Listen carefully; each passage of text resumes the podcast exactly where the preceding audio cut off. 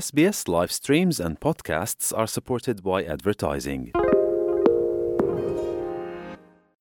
Vi ste uz SBS na Srpskom.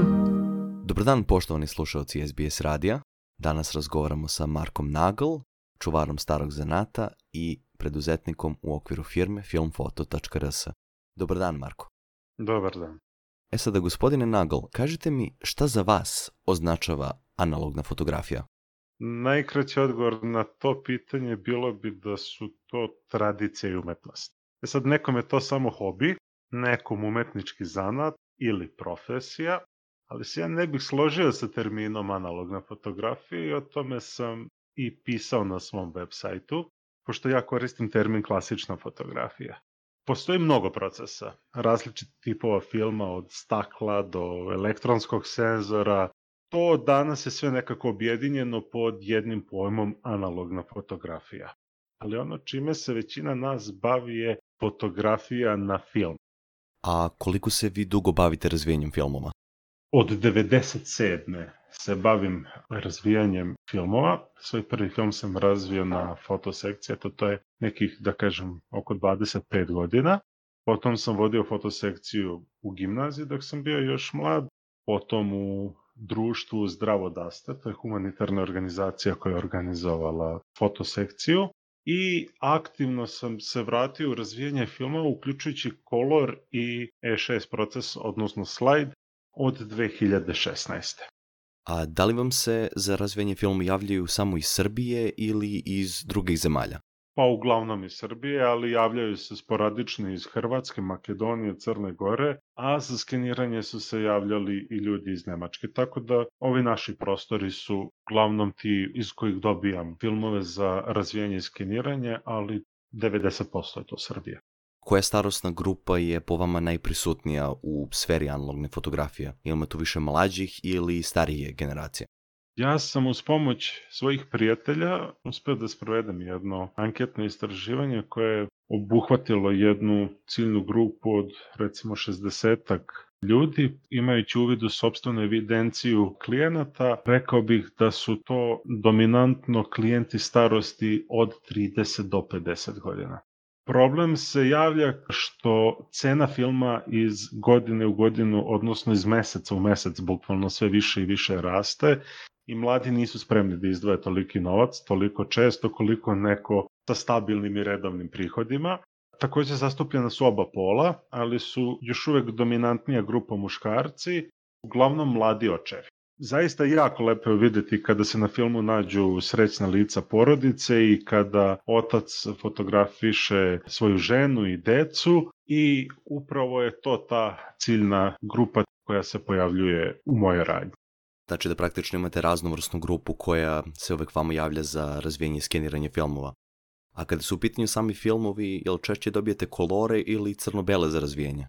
To zapravo diktira cena na tržištu. Međutim, zanimljivo je da u poslednje vreme bilo više kolora, iako su cene kolora drastično skočile. Primetio sam da na sajtu vodite kampanju o očuvanju starih negativa. Koliko vam se ljudi često javljaju sa nekim starim negativima iz nekog perioda i koje periode ste primetili da su onako neučestali kada se dobijali ove stare filmove? To ste lepo primetili i takvih zahteva ima zapravo dosta. Posebno mi je drago što postoje mladi ljudi koji su skloni da na buvljim pijacama pro, ako pronađu negative kupe ih samo da bi ih ja skenirao i da bi se to negde sačuvalo.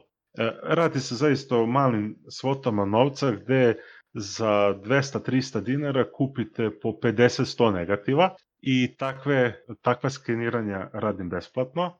Najstariji negativi koje smo e, skenirali bili su negde iz perioda 1930-ih i to su fotografije koje do tada nikad nisu videle svetlo dana, bar ne javno. Radi se o fotografijama starog sajmišta pre bombardovanja i pre drugog svetskog rata, Zatim čitava jedna plejada filmova o geologu se radi koji je putovao širom Evrope svojim fićom i sa svojom porodicom. Pa tu imate fotografija i tog kraja istočne Srbije i Istambula. Zaista bilo fantastičnog materijala koji smo dobili i koji smo skenirali. A da li ste neki od tih osoba koje ste našli na tim fotografijama uspeli da pronađete u pravom životu? Nažalost ne. Objavljivao sam pozive ljudima da podele fotografije, ljudi su to šerovali, tražili smo vlasnike tog filma, ili naslednike, morate uzeti obzir da ljudi koji su na fotografijama 1930. su odavno pokojni, tako da bez obzira koliko smo se trudili, naslednike nismo našli. Kao što ste prethodno pomenuli da su to praktično neka vrsta sećanja, je to jedan od razloga zašto vi smatrate da je bitno očuvati te stare negative? Sigurno jedan od razloga, razloga ima mnogo.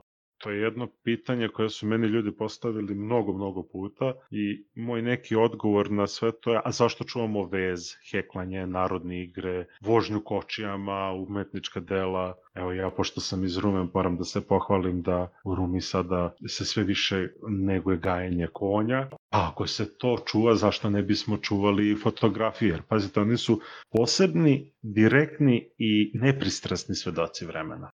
One su prosto deo naše prošlosti, našeg identiteta i čuvati fotografije negative znači čuvati sobstvenu istoriju. Ljudi uglavnom čuvaju samo fotografije, mi nekako nemamo tu kulturu čuvanja negativa, ali eto, svako ko ima negative, ja ga pozivam da ih na neki način sortira i da ih bilo gde, bilo u Srbiji kod mene ili negde u inostranstvu skenira, umnoži i da sačuva za buduće pokoljenje.